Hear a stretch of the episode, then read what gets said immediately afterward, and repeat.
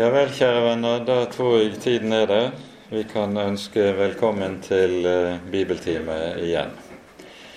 Vi har kommet inn i Jobbs bok og kommer til å være der i en del bibeltimer fremover. Jeg er ikke helt sikker på hvor mange timer vi skal bruke på boken. Uh, karakteren boken, av boken er på en sånn måte at uh, skal du gå inn i hvert kapittel i detalj, så blir man ikke ferdig. Eh, det er, og Samtidig er det sånn at en del av de grunnleggende tankene og problemstillingene som vi møter i boken, det er noe som gjentas eh, i ulik form eh, en rekke ganger. Så vi nøyer oss med å, å ta opp eh, hovedsakene, og så får vi ta en fremgang på de premissene. La oss be før vi begynner. Kjære gode Herre, hellige og trofaste Gud og Far. Vi takker og lover deg at vi skal få lov til å kalle deg far, og at vi skal få være barn hos deg. Takk at du steller med oss som far med sine barn. Du fører oss og leder oss og vet hva som godt er for dine små. Takk at du har slettet ut alle våre synder for Jesus skyld, og at vi skal forstå frie for ditt ansikt. Så ber vi, Herre, at du vil holde oss fast hos Jesus. Og at du vil la dine ord få lov til å smelte sammen med hjertene våre. At vi kan bli bevart hos ham inntil enden. Herre, forbarm deg over oss. Amen. Sist gang så tok vi oss tid til å repetere litt fra den innledende bibeltimen vi hadde i høst. Det var jo gått noen måneder imellom. Ehm, og vi gikk inn i det tredje kapittelet i Jobbs bok, der vi hører Jobbs klage. I slutten av kapittel to hører vi hvordan tre av Jobbs venner kommer til ham for å trøste ham i hans ulykke. Og eh, de finner ham sittende på askehaugen utenfor byen i stor elendighet. Og så fortelles det at de ble sittende hos ham i syv dager uten å ytre et ord. De er så forferdet over tilstanden de ser sin kjære, gamle venn i. Og etter syv dager så er det jobb bryter ut i sin klage, som vi hører i kapittel tre, der han forbanner dagen han ble født, ønsker at han aldri var blitt skjenket livet, og at Herren ville ta livet tilbake. Og vi kommer så med kapittel fire til den første av vennenes taler. Og Nå er Jobbs bok bygget opp på den måten at vi har for oss talesykluser. Slik at først taler den første av Jobbs venner, Elifas.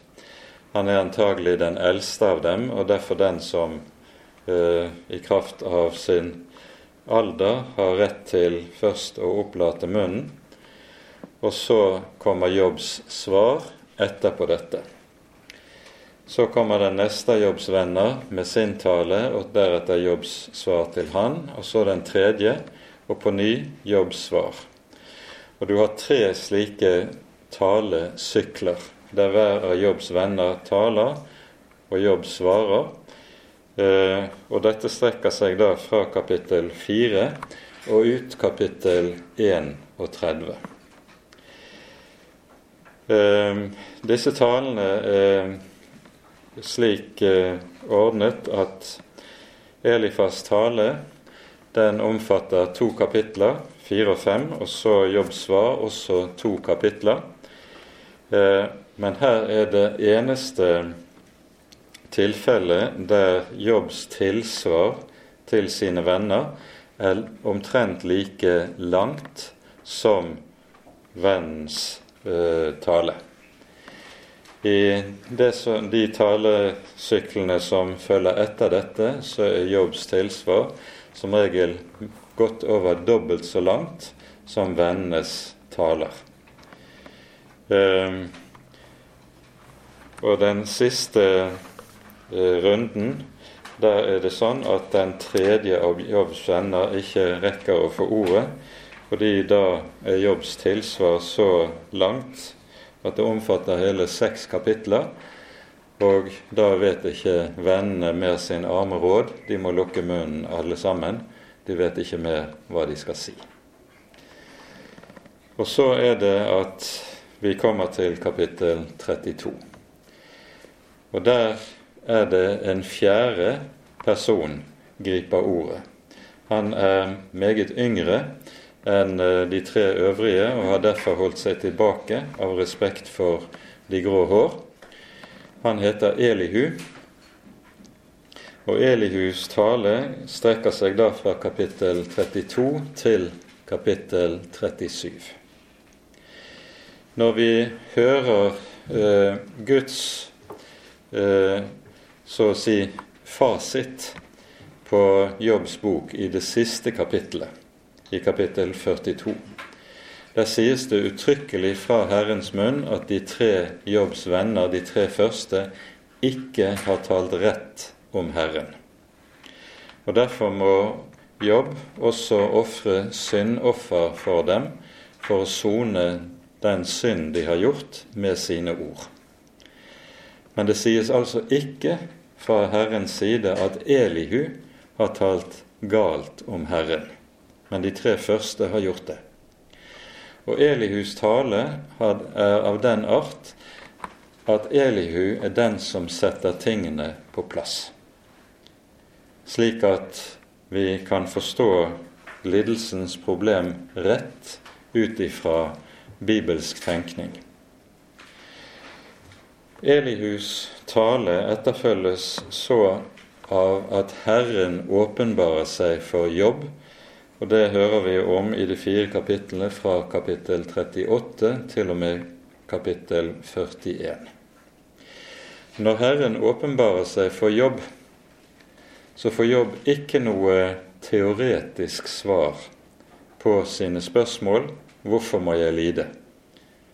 Han får men i stedet må han bøye seg for den allmektige at i erkjennelse av at vi små mennesker her i tiden står overfor Når vi står overfor lidelsen, så vil vi ikke kunne forstå Guds råd.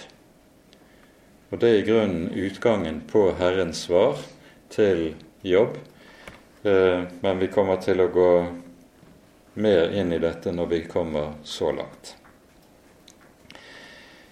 Ehm, det vi kommer til å gjøre i dagens bibeltime, det er at vi vil gå inn i den første av Jobbs venner sin tale og Jobbs svar til denne. Det er altså Elihus, nei, Elifas tale som eh, begynner i kapittel fire, og der vi allerede ser konturene av det som er deres feilaktige tenkning om Herren og om Guds måte å styre menneskenes vei på.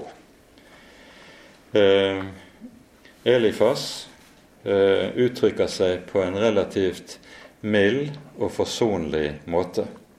Senere kommer vennene til å uttrykke seg langt mer grovt og slett ikke så såpass taktfullt som Elifas tross alt gjør i sin første tale. Men eh, nok om dette. Vi går inn i kapittel fire og leser dette i sammenheng.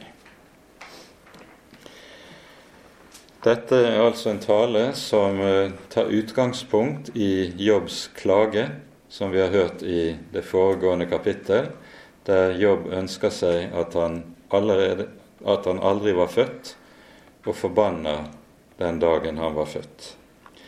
Da tok Elifas fra Teman til orde og sa:" Om en prøvet å tale et ord til deg, ville du da ta det ille opp men hvem kan vel holde sine ord tilbake? Selv har du rettledet mange og styrket maktløse hender. Dine ord reiste opp igjen den som snublet, og vaklende knær har du styrket. Men nå, når det gjelder deg selv, blir du motløs. Når det rammer deg selv, blir du redd. Er ikke din gudsfrykt din tillit? din redelige, redelige ferd, ditt håp. Tenk nå etter. Hvem omkom uskyldig, og hvor gikk den rettskafne til grunne? Etter det jeg har sett, har de som pløyde urett og sådde ulykke, også høstet det. De går til grunne for Guds ånde, for Hans vredespust ble de til intet. Løven brøler, og den unge løve har en mektig røst. Men de unge løvers tenner blir brukket, løven omkommer av mangel på rov. Løvinnens unger blir spredt. Et ord kom listene til meg, det lød for øret mitt som en hviskende lyd. Under urolige tanker ved nattlige syner, når mennesket synker i dypeste søvn, Angst kom over meg, så jeg skalv. Redselen fikk mine ben til å riste. En ånd strøk forbi mitt ansikt, og hårene reiste seg på mitt hode. Den sto der, jeg skjelnet den ikke klart.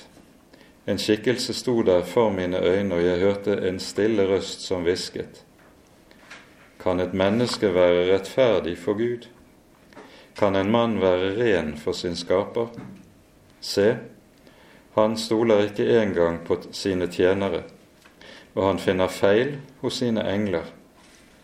Enn si da hos dem som bor i leirhus, som har sin grunnvoll i støvet, de som knuses lettere enn møll. Fra morgen til kveld så er de knust. De er borte for alltid, og ingen gir akt på det. Blir ikke deres teltsnor trukket ut? De dør men visdom har de ikke funnet. Vi stanser der foreløpig. Dette avsnittet kan inndeles sånn at vi først har eh, de seks første versene der eh, Elifas stiller Jobb spørsmålet når du har trøstet så mange når de har vært i nød, opplevde trengsel og elendighet, hvorfor kan du da ikke trøste deg selv når du opplever det? I dette ser vi jo noe som er ganske karakteristisk. Det er meget lettere å tale til andre i deres nød enn å anvende trøsten på seg selv når en selv kommer i dype vann. Dette er meget menneskelig, og det som eh, Elifas her peker på. Samtidig er det sånn at det vi hører i det sjette verset, det er noe av et problemvers. Eh, hva, for spørsmålet er, som utleggerne også, utleggerne også eh, peker på, hører dette verset sammen med det foregående, nemlig at og Da skal det forstås sånn at når Jobb har vært så flink til å trøste andre, så er det bare fordi han har eh, hatt sin tillit til sin egen gudsfrykt. Det er altså en form for åndelig selvtillit som eh, han så å si blir beskyldt for. Og at denne åndelige selvtillit har nå da fått en knekk ved at han selv er kommet i nød og i trengsel. Det er ikke en urimelig måte å forstå verset på, sånn som eh, det står i sammenhengen. Andre utleggere forstår det annerledes eh, og, tenk, og stiller det mer som et spørsmålstegn. Skulle ikke gudsfrykten være din tillit? Altså Og eh, mens det motsatte altså blir til, tilfellet i det som kommer i det påfølgende. For det som nå skjer når vi leser fra vers 7, det er at Elifas, når han stiller spørsmålet 'Hvem omkom uskyldig?' Hvor gikk den rettskaffende til grunne?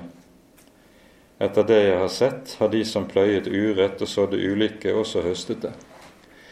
Så er det sånn her at Elifas sier det ikke rett ut, men han leder tanken inn på dette, at den ulykke som Jobb opplever, må på en eller annen måte henge sammen med en urettferdighet eller noen synd hos ham selv.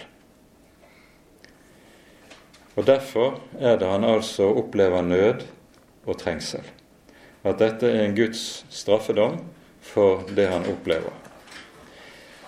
Det som er helt karakteristisk for disse talene som vi hører fra Jobbs venner, det er at vi i disse talene møter en blanding av det som er sant og rett etter Guds ord, og det som slett ikke er det.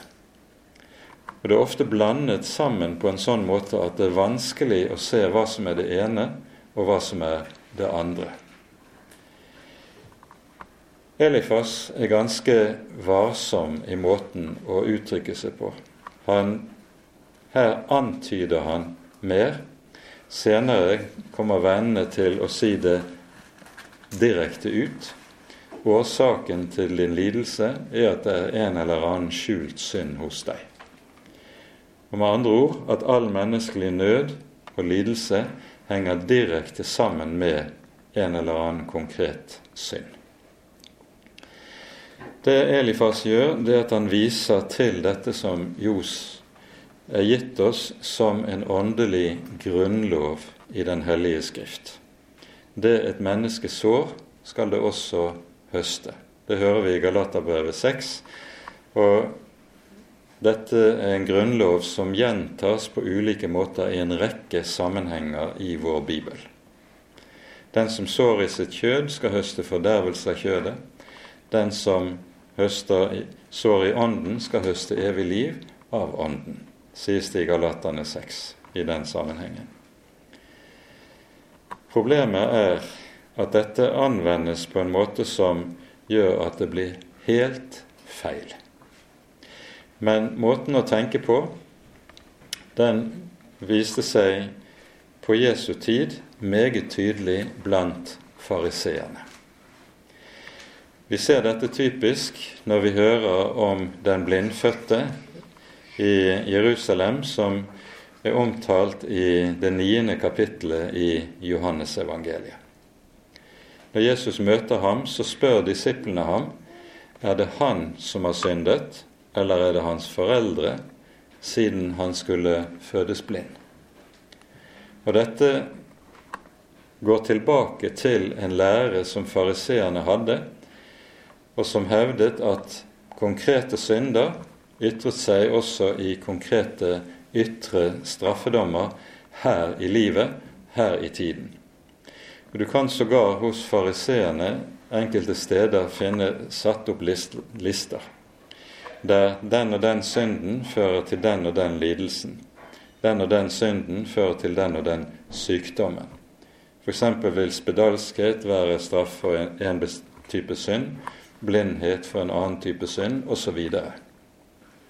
Det var tankegangen som du fant hos fariseerne. Og dette er en tankegang som dypest sett henger sammen med loviskhet. Man tolker loven på en slik måte at lovens trusler om Guds dom det er noe som konkret gjør seg gjeldende inn i menneskets liv her i tiden. Og Derfor skulle, vil det innebære i sin konsekvens at det mennesket som ikke opplever ulykke og nød, han kan se det som bevis på at han står under Guds velsignelse, mens motsatt, den som opplever ulykke og elendighet, han kan se det som bevis på at han står under Guds dom og Guds straff. Dette er måten loven ble forstått og utlagt på. Du finner det til dels i ganske grov form, altså hos fariseerne. Og det er denne måten å tenke på som Jobbs venner også gir uttrykk for. Det kommer altså mye grovere til uttrykk lenger ute i boken. Her hører vi at Elifas foreløpig uttrykker seg relativt forsiktig. Men han antyder allerede her hva han mener er årsaken til Jobbs ulykke. Det er en eller annen form for urettferdighet hos deg. Jeg vet ikke hva det er, men når du opplever det du opplever, så er det klart at dette må være Guds straff over en eller annen form for synd i livet ditt. Det er tankegangen, og det er dette som er temaet i de ulike talesyklusene fra Jobb sine venner. Og Poenget i alt dette er hele veien det at på denne måten så mener mennesker seg å kunne finne svar på spørsmålet om lidelsens hvorfor. Hvorfor skal du lide sånn og sånn? Jo, det er fordi det er meget enkelt å finne svaret. Det er en eller annen synd som gjør det. I Salmenes bok har vi en salme som tar opp dette problemet i langt mer konsentrert form. Og det er Salme 73, en salme av Asaf. Vi skal ikke gå nærmere inn på den i, i dag, jeg bare peker på den. Men her er salmisten sitt problem. Hvorfor går det de ugudelige vel? Onde mennesker som er fulle av selvtillit, skryt, øver vold mot de fattige og undertrykker de små. Hvorfor går det dem vel? Mens dem som frykter Herren, de må oppleve nød og trengsel. Hvorfor er det slik? Det er Salme 73 sitt problem. Og Så vi kan godt si det sånn at Salme 73 tar problematikken i Jobbs bok opp, samme problematikken, men i mye mer kortfattet og komprimert form. I Jobbs bok er det utbrodert på en helt annen måte, så det er blitt så omfattende som det altså er blitt. Det Elifas nå gjør, som vi har pekt på, det at han i det andre avsnittet, som begynner i vers 7 og går til vers 11, altså peker på dette som han mener er Eller slik som han forstår den åndelige loven, det et menneske sår, det skal han også høste. Det skal forstås rett inn i forklar, forklar, hvordan man skal forklare lidelsens problem her i tiden. Et par av disse uttrykkene som vi finner her, kan kanskje være grunn til å eh, se litt på eller å forklare. Når det står om Løven som brøler, den unge løve har mektig lyst, men de unge løvers tenner blir brukket. Så er løven og den unge løve det er bildet på mennesker som er mektige, som har stor makt, og bruker makten sin brutalt. Så her er det altså slik at løven og den unge løve de straffes av Gud og må bli stille. De kan ikke lenger brøle. Ehm, løven omkommer av mangel på rov, løvinnens unger blir spredt. Ehm, det er altså det som ligger i bildet her. Dette mener Elifas er noe som all hans erfaring har lært ham. Og så kommer han med et tilleggsargument. Og dette kommer fra vers 12 av. Han mener at dette som han har lært av sin erfaring, det er bekreftet av syner han har hatt, eller som er blitt gitt ham i drømme. Han har opplevd å få en ånd som kom til ham og hvisket til ham ord som bekrefter nettopp det som eh, han her har undervist om. Og når eh, denne ånden siteres på det som vi leser fra vers 17, kan et menneske være rettferdig for sin Gud? Kan en mann være ren for sin skaper? Så ligger det på ny en underforstått antydning i dette. Du har holdt deg for å være rettferdig jobb, men du, det er jo intet menneske som er rettferdig. Du er ikke rettferdig. Og da er det ikke rart at du opplever det som du opplever. Men han uttrykker seg altså forblommet, sånn at det blir litt forsiktig han kommer med dette. Men når du leser Jobb sitt tilsvar fra kapittel 6, så har Jobb meget klart forstått hva det er han nå møter. Det er egentlig en skjult eller litt forblommet anklage som kommer fra denne hans venn. Og så er det jobb da må rykke ut til å forsvare seg selv. Vi tar oss tid også og leser fra kapittel 5.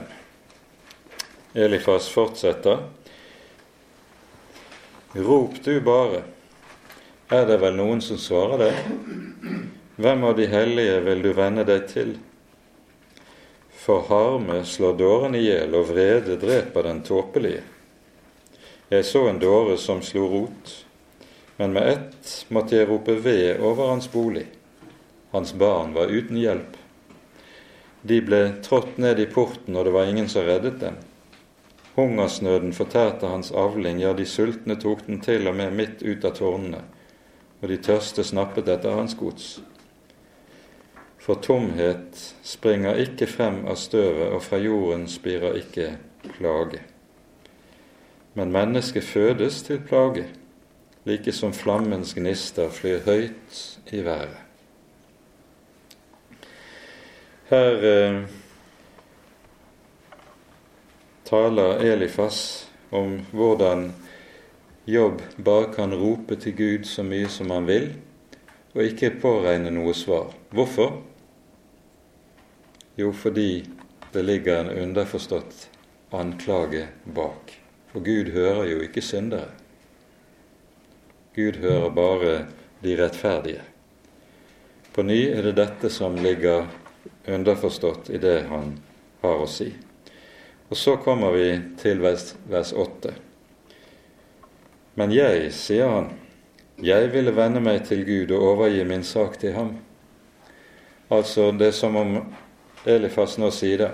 Hvis jeg var deg, så vil jeg nå vende meg til Gud. Altså det er rett og slett Han sier du må vende om. Du må vende om fra denne din synd som ligger et eller annet sted bakom, og som vi selvfølgelig, dine venner, selvfølgelig ikke vet hva er, men som du nok selv vet hva er. Altså, jeg ville vende meg til Gud. Vil ikke du det også? Det er det som sies i dette. Da skulle han gjøre storverk som ingen kan granske, og underfulle ting som ingen kan telle. Eh, og så møter vi da fra vers 8 og frem til vers 16 eh, en tale om hvem Herren er, som er ganske eh, Du kan godt si høystemt. Det er som en hymne eller en lovsang. Og i denne hymnen så tales det både sant og rett om hvem Herren er.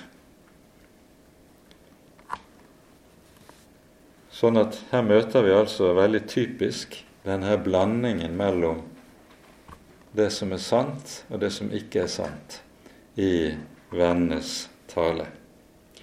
Og så kommer til slutt som en formaning til jobb. Ja, salig er det mennesket som Gud refser, og den allmektiges tukt må du ikke akte ringe.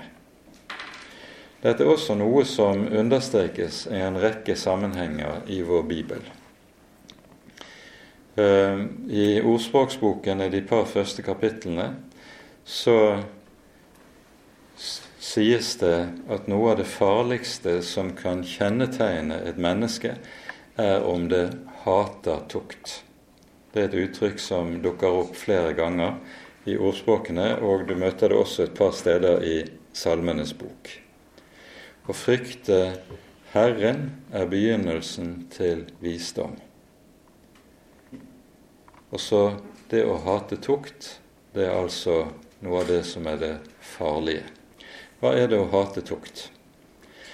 Det er når Herren kommer til oss med sitt ord, med sin hellige lov, peker på synd i livet vårt, irettesetter oss, avslører oss.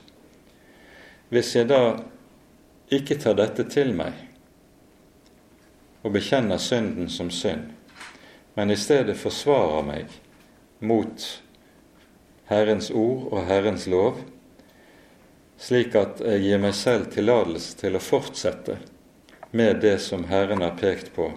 Dette må du vende deg fra.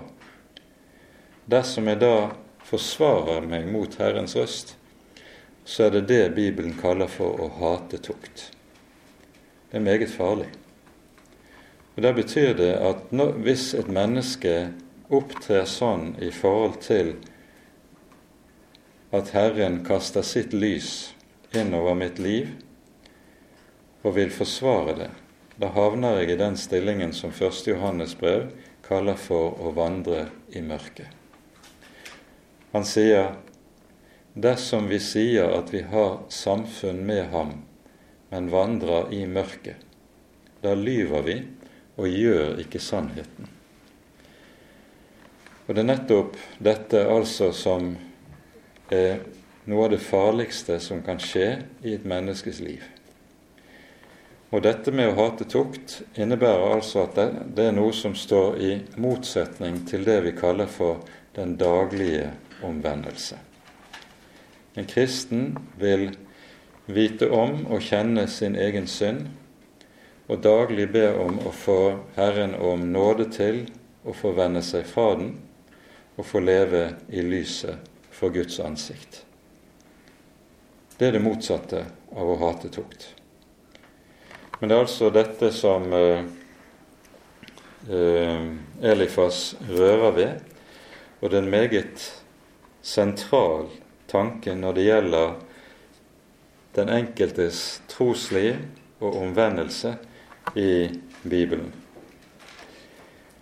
Når Elifas tar det frem på denne måten som han gjør det her, så ligger det i dette at han kommer med en underforstått advarsel til jobb. Du må ikke akte Guds tukt ringe. Når du klager sånn som du gjør over din lidelse, i stedet for å ta det til hjertet og bruke det som en Guds formaning til og en Guds oppmuntring til å vende om, så betyr det at du akter Herrens tukt ringe. Så vi forstår ut fra måten Elifas ordlegger seg på, om det enn er litt pent, høflig, om vi kan si det sånn, litt nennsomt, så ligger det bakom ganske skarpe anklager mot jobb. Og Derfor er det også sånn at Elifas sin tale den eh, slutter, sånn som vi hører det i vers 27, med ordene Se, dette er det vi har utforsket. Slik er det. Hør det, og merk deg det. Og Tenk nå på hva som er Jobb sin situasjon.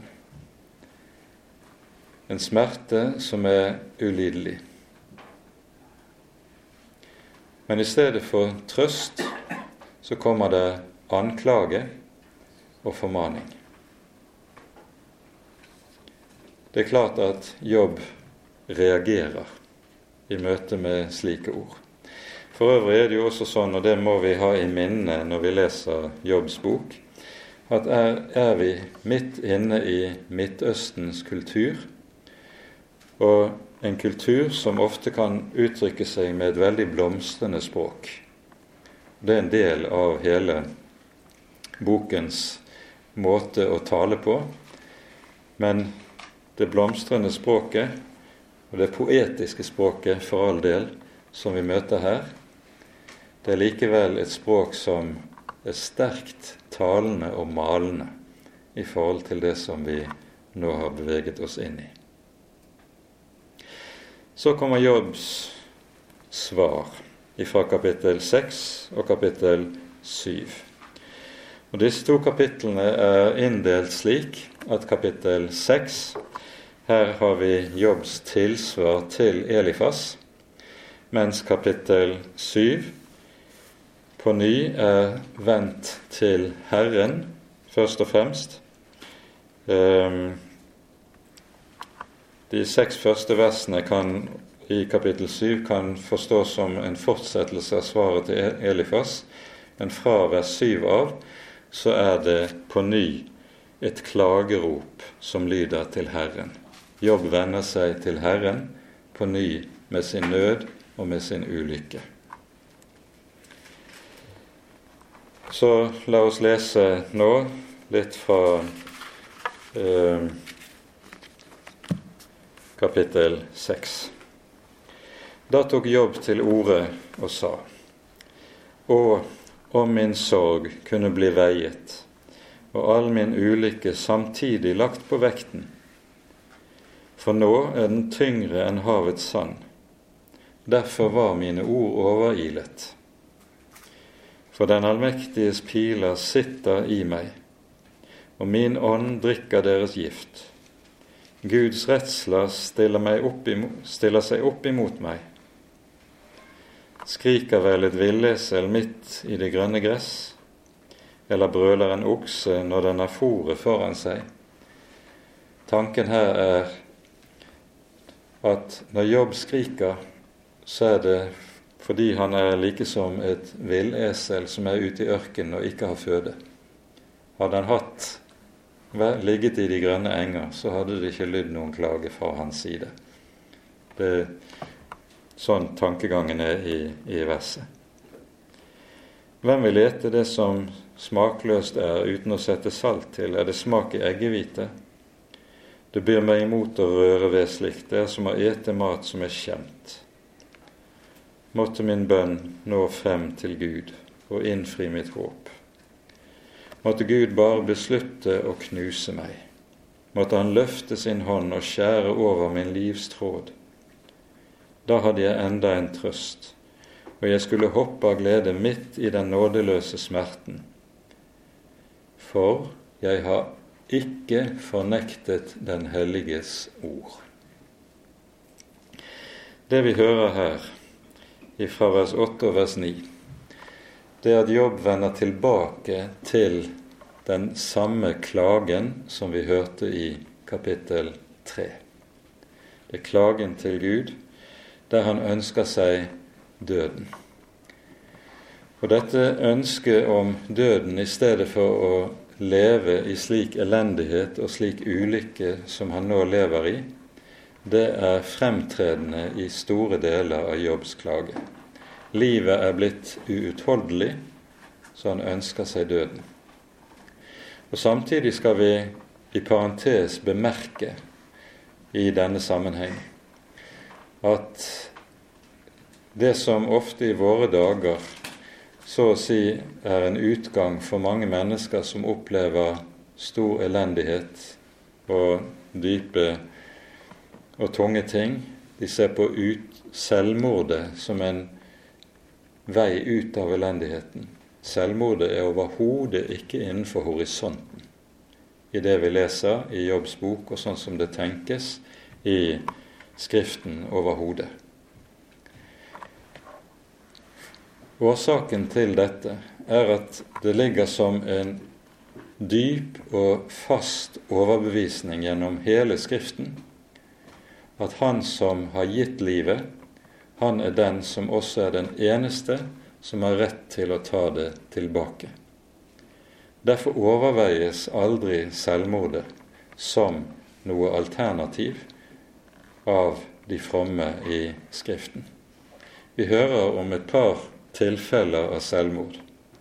Judas i Det nye testamentet, Saul og hans tjener i Det gamle testamentet når de har tapt slaget for filistrene.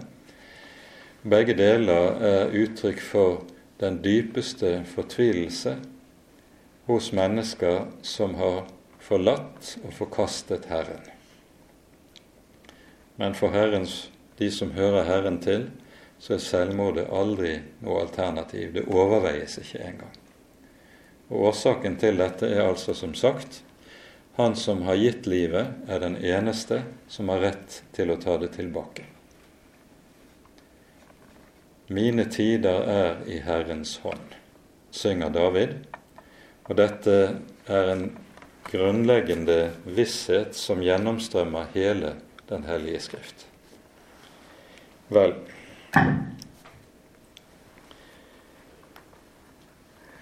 når eh, Jobb nå taler videre, så hørte vi i vers 10, hans siste delen av verset, som uh, slutter 'Jeg har ikke fornektet Den helliges ord'. Og Dette er en sannhet som blir stående fra Jobb sin side gjennom hele boken. Selv om han etter hvert i sin fortvilelse og i sitt behov for selvforsvar overfor vennenes anklage går ganske langt. Eh, og i, sånn som vi hører han sier her i vers 3 mine ord var overilet. Så står det likevel fast for jobb det som her sies i vers 10. Og det står fast hele veien. Gjennom alt og tross alt kanskje kan vi si også, jeg har ikke fornektet Den helliges ord. Og dette stadfestes jo også av Herren når vi så å si får fasiten i kapittel 42. Så selv om Jobb uttrykker seg på måter som av og til kan være helt på grensen til det vi ville oppleve som blasfemiske, så går han aldri over grensen. Han går aldri over grensen. Jeg har ikke fornektet Den helliges ord. Så fortsetter Jobb med å peke på at når vennene kommer med denne typen formaninger til ham som de gjør, så hjelper det ham særdeles lite. For han har ikke styrke til å ta det til seg engang. Om det skulle være så at han hadde noe på samvittigheten som han måtte vende seg fra, så er det likevel sånn at han er så knust, så nedbrutt, at han er ikke i stand til det. Hva styrke har jeg så jeg kan holde ut? Hvilke utsikter har jeg så jeg kan være tålmodig? Er jeg sterk som stein? Er mitt kjøtt som kobber? Har jeg vel kraft til å hjelpe meg selv? Er ikke all utsikt til frelse tatt fra meg? Han er fullstendig knust og kjenner seg fullstendig maktesløs og hjelpeløs. Han er ikke i stand til, som vi hører det, å hjelpe seg selv heller. Og så er det han vender seg til ifra vers 14 til imot ordene fra Elifas. Den ulykkelige burde møte kjærlighet hos sin venn, så han ikke skal oppgi frykten for den allmektige. Men hva er det han altså har opplevd? Formaninger som har kommet like som ovenfra og ned. Anklager som føles til de grader uberettiget og urettferdige.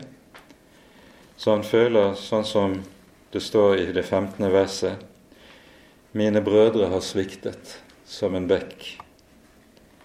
Altså bildet er i det som følger bekkene som du har så mange av i Israels land. I eh, vintertidhalvåret, når du har regntid, da er det vann i bekkene, men om sommeren så tørker alt sammen ut. Det er sviktende bekk. På samme måte så har dere venner, mine venner, sviktet meg. Det har forrådt meg. Og jeg tror vi må gi Jobb rett i det han her sier. I um, Romerbrevet i det tolvte kapittelet så formaner Paulus oss med tanke på hvordan vi skal opptre i forhold til mennesker som opplever tunge lidelser. Her skriver Paulus 'gråt med de gråtende'. Og De som opplever tunge smerter og lidelser, der kommer du ikke med løftet pekefinger og anklager, men du gjør sånn som apostelen sier, du gråter med de gråtende. Og hos vår Herre Jesus hører vi hvordan han, hans hjertelag beskrives i, hos profeten Jesaja i det 42. kapittel.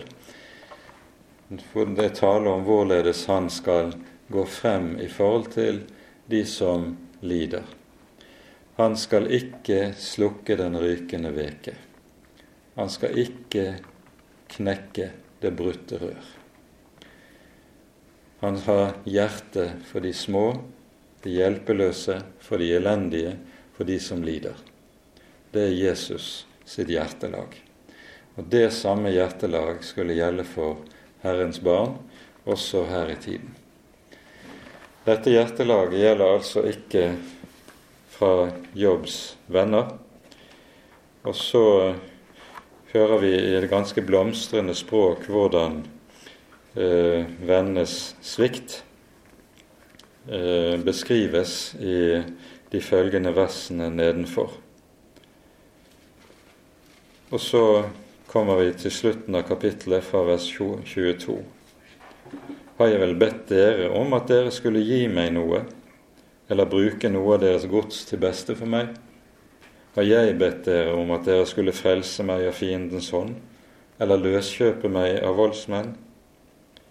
Lær meg, så skal jeg tie. Vis meg hva jeg har faret vill i. For en kraft er det i rettsindiges ord, men hva gagn er det i irettesettelse fra dere. Og så er det altså at Jobb på denne måten svarer på sin venns innledende tale. Og vi møter allerede her fra begynnelsen av det som blir eh, så å si noe av eh, gjennomgangstonen videre utover i Jobbs bok nemlig Jobbs trøstere, er blitt Jobbs plageånder. Den trøsten som de tror de kan komme med og hjelpe ham med, det er bare til plage.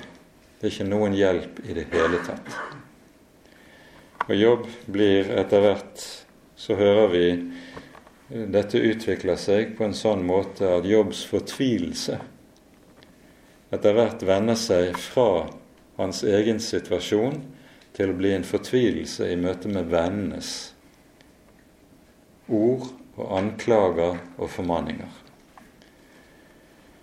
Det kommer vi til å se mer på etter hvert, men jeg tenker at vi eh, skal sette punktum her.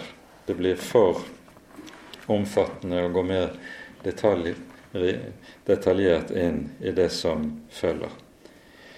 Men vi møter på ny på slutten av kapittel 7, altså hvordan Jobb vender tilbake til sitt klagerop til Herren.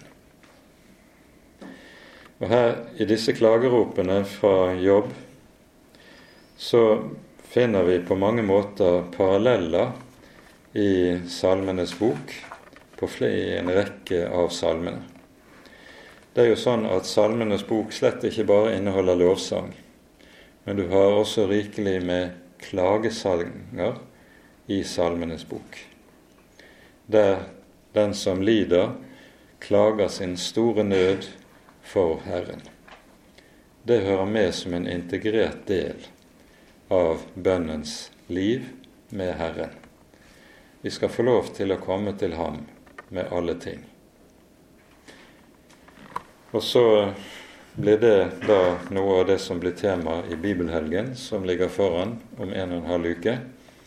Det minner vi om i denne sammenheng. Og så setter vi punktum for dagens bibeltime her. Ære være Faderen og Sønnen og Den hellige ånd, som var og er og være skal, en sann Gud, høylovet i evighet. Amen.